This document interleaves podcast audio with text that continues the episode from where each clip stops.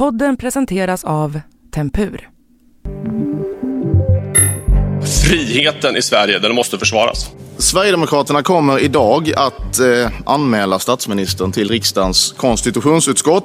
Jag anser att det är ett maktmissbruk av pandemilagen att använda corona som ett svepskäl för att man inte har lyckats säkerställa att alla ska kunna få vård. Efter två år av pandemi är borgfreden nu definitivt över i svensk politik.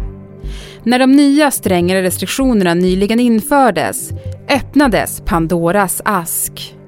Med de restriktioner som regeringen nu föreslår så menar vi att de passerat alla gränser. Längst gick Liberalerna som menar att regeringen missbrukar sin makt. Det är ganska allvarligt så att regeringen missbrukar lagstiftningen, det gör vi inte. På en kvart får du veta hur pandemin kommer prägla valåret och varför kritiken blev så hård just nu. Det är torsdag den 20 januari. Jag heter Alexandra Karlsson. Det här är Dagens Story från Svenska Dagbladet.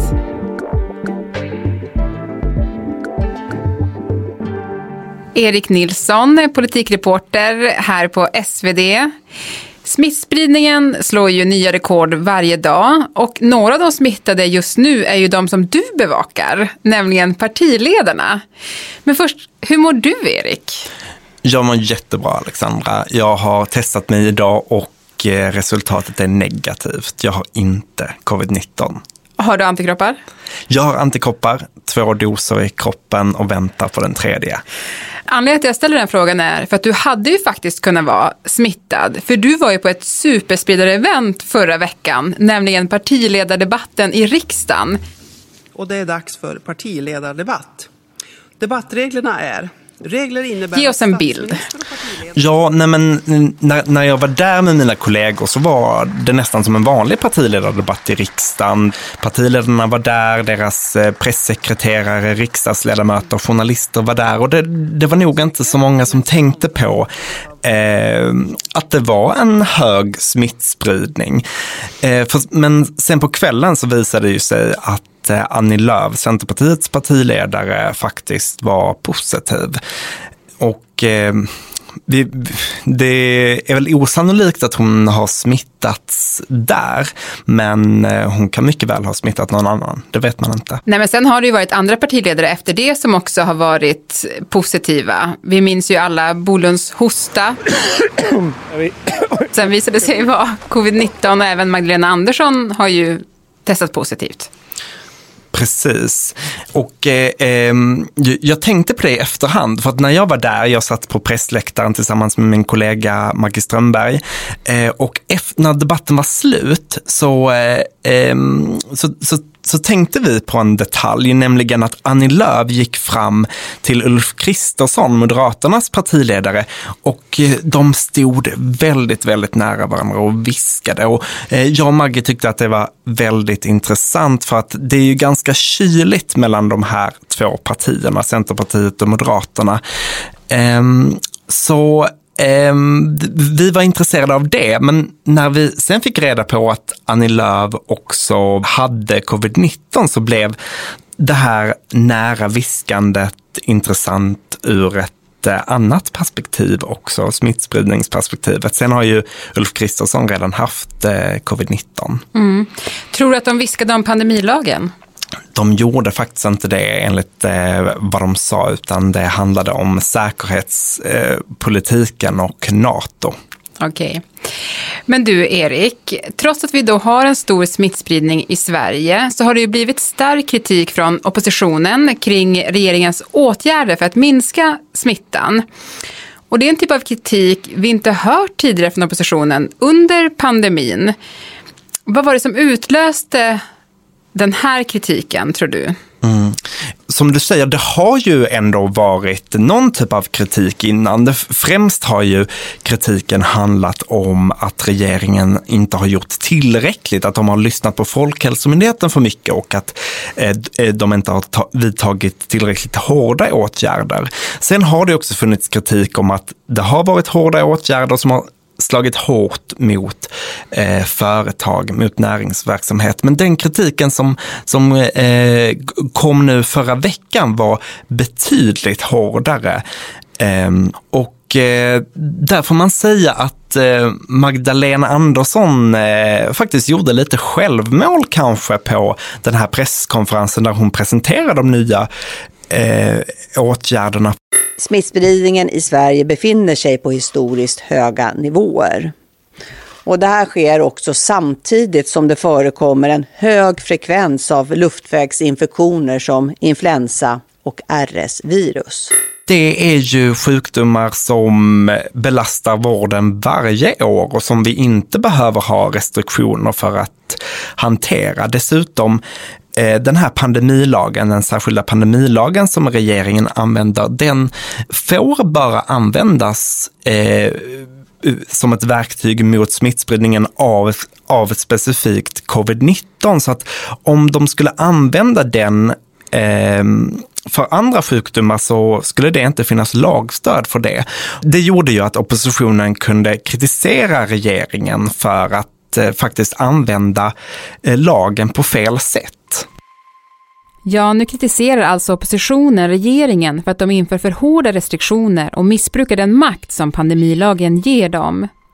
För att förstå skiftningen ska vi gå tillbaka till mars 2020, när pandemin började i Sverige. Sveriges strategi att hålla samhället relativt öppet möttes av stor politisk enighet. Det rådde något så ovanligt som borgfred i svensk politik. Just nu så har ju vår borg Sverige tydligt yttre hot. Vi har allihopa en gemensam fiende i coronaviruset och då är det inte läge att ifrågasätta eh, befälhavaren. När kritiken sen började komma från oppositionen handlade den om att regeringen inte gjorde tillräckligt för att stoppa smittspridningen. Men när regeringen i förra veckan införde nya restriktioner var kritiken högljudd från flera oppositionspartier som menade att regeringen nu gick alldeles för långt. SD KU-anmälde statsministern och Liberalerna anklagade regeringen för att missbruka sin makt. Det här då att vi går in i ett valår, spelar det någon roll när man tänker på kritiken? Att den låter som den gör? Det tror jag absolut. Det är ju inte en slump att Liberalerna är det parti som faktiskt går hårdast åt regeringen. För Liberalerna som vi vet, de lider ju av katastrofsiffror i opinionsmätningarna. De är så långt under 4 spärren som man kan vara nästan. Eh, så, så, att jag, jag, tänker att de har inte så mycket att förlora, utan, utan de kan ta det här eh, utrymmet som, som inte har funnits innan av att vara en hård kritiker mot regeringens pandemihantering. Jag tycker också att det känns som att att pandemin nu har blivit ett tillfälle också för partierna att rikta kritik som är mer ideologisk. Håller du med? Ja, men eh, om, om vi då tar Liberalerna igen så har de ju verkligen gått in på, förutom det här perspektivet om att det är jobbigt för företagen så pratar de om det principiella i de medborgerliga rättigheterna rättigheterna, att det här är viktigt för demokratin, att regeringen inte missbrukar sin makt, vilket är ett, en eh, grundbult i den liberala eh, ideologin såklart. Eh, sen kommer en eh, annan typ av kritik från Vänsterpartiet. Nooshi Dadgostar, deras partiledare, pratar istället om vården och att regeringen borde ha eh, lagt mer resurser på att faktiskt rusta upp vården så att vi inte skulle behöva ha de här restriktionerna som nu införts. Så det, det, det är ju mer eh, ett vänsterperspektiv eh, att prata om en väldigt stark eh, välfärd. Men om vi tar då regeringen, man brukar ju säga att kriser stärker sittande regeringar och så var det ju verkligen i början av den här pandemin. Men nu har vi en kris som har pågått i två år och som alla är väldigt less på och som dessutom, som du säger, inskränker vår frihet i stor grad. Hur jobbig är den här situationen för regeringen? inte jättejobbig, eh, skulle jag tro i alla fall. Det är ingenting som man ser nu i alla fall. Magdalena Andersson är ju jättepopulär. Det går ju bättre för Socialdemokraterna än vad det har gjort på länge.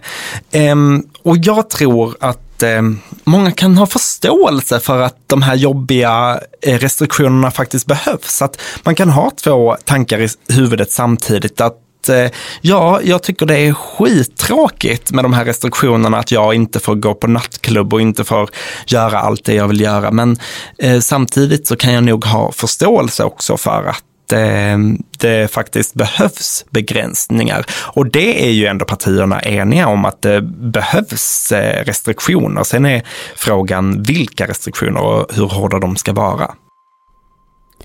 Och vilka restriktioner som kan användas hänger ihop med pandemilagen, som skapat stor debatt i veckan. Den infördes i januari förra året och är unik i att den ger regeringen möjlighet att begränsa människors rörelsefrihet på ett sätt som inte gjorts sedan andra världskriget i Sverige. Lagen togs fram för att göra det lättare för regeringen att snabbt besluta om tvingande åtgärder. Makten flyttades alltså från de folkvalda i riksdagen till regeringen. Det har inte varit någon stor politisk strid kring lagen. Men nu hävdar oppositionen att regeringen missbrukar den makt som pandemilagen ger. Längst har Liberalerna gått, som vill ta bort pandemilagen helt. De andra oppositionspartierna har istället drivit på för att lagen, som löper ut i januari, bara förlängs i två månader och inte fyra, som regeringen först ville. Jag tänker att eh, oppositionspartierna faktiskt vill ge skenet av att de är mer kritiska än vad de är. För att de låter väldigt arga, de låter kritiska, de säger att regeringen har missbrukat sin makt. Men när man tittar på vad de vill göra istället så är det ju inte så stor skillnad. Och, om man tar Liberalerna då som exempel som, som vill eh, avslå eh, pandemilagen helt och hållet. Så det de säger är ju att de vill inte ha den pandemilagen, men de vill ha en annan pandemilag. De vill inte ha de restriktionerna men de vill ha andra restriktioner. Det är inte som att det finns ett parti som inte vill ha några restriktioner alls. Så det blir ändå mycket politik här? Det är mycket symbolpolitik eh, och, och, signaler som man vill sända. Även i regeringens förslag, eh, huvudförslag, så sa man att man kommer att ompröva pandemilagen om två månader, alltså i mars. Så att eh, redan från början så, eh, så, så räknade regeringen med att det här faktiskt ska, skulle omprövas. Mm. Och det här med pandemilagen, nu växte ju ändå kritik mot den och hur regeringen då använder den. Vad vill partierna se istället?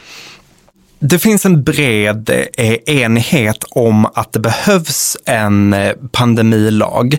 Det många efterfrågar nu är en permanent lag, en lag som kan användas även eh, framöver i andra pandemier, med andra virus och andra sjukdomar. För att det här är ju en, en lag som togs fram under väldigt kort tid och som riktar sig specifikt mot Eh, covid-19. Och eh, det partierna vill se är en mer eh, långsiktig lösning som kan användas på, på andra sätt. Man ska komma ihåg att i början av pandemin så fick regeringen kritik för att det inte fanns en sån här pandemilag på plats. Så att i grunden är ju oppositionen väldigt glada att den här möjligheten finns på plats. Mm. Det är ju väldigt deppigt att tänka att man ska ha en permanent pandemilag för nästa pandemi. Oh, jag vet. Man vill nästan inte ens tänka på det. Vi gör inte det. Nej, vi gör inte det. Vi, vi stannar vid den här pandemin som vi är i just nu. Och då tänkte jag fråga dig, Erik, till sist. Eh, hur mycket tror du pandemin kommer prägla valåret och valrörelsen? Det är jättesvårt att säga såklart. Eh, jag tror att man kan förvänta sig att den inte Eh, kommer vara den viktigaste eh, valfrågan om jag nu ska sticka ut hakan och eh, gissa. Ehm, när man diskuterar pandemin så handlar det lätt om sjukvården, vilket är en väldigt stark fråga traditionellt för Socialdemokraterna. Dessutom har ju eh, de borgerliga partierna ett stort ansvar även där eftersom att de styr i många regioner som ju är ansvariga för sjukvården. Och eh, jag tror både du och jag känner att vi är väldigt ledsna på pandemin. Och när det finns tillfälle för pandemin att försvinna från vårt medvetande så, så tar vi det tillfället. Så har det känts tidigare eh, i alla fall när smittspridningen har sjunkit undan och eh, restriktionerna försvinner. Så att om det blir en lugn sommar eh, som inte är så präglad av pandemin så tror jag inte att det kommer vara, ha en så stor betydelse i valet som andra frågor. Tack Erik Nilsson för att du var med i Dagens Story. Tack. Fler än var tredje svensk lider av sömnproblem. Svårigheter att somna, att vakna flera gånger under natten eller att inte komma ner i djupsömn blir allt vanligare. När du sover startar hjärnan och kroppen om, lite som en dator. Bra sömn hjälper dig att bearbeta intryck och kunskap som du fått under dagen och minska risk för sjukdomar som Alzheimer och utmattningssyndrom. Rätt säng från Tempur kan hjälpa dig till bättre sömn och ett hälsosammare liv. Investera i din sömn idag. Programmet idag producerades av Elin Romeliotto. Redaktör var Maria Jelmini. Och jag heter Alexandra Karlsson. Vill du kontakta oss så mejla till dagensstory.svd.se. Klippen inslaget kom från Aftonbladet, TV4, Sveriges Radio och regeringens och riksdagens hemsidor.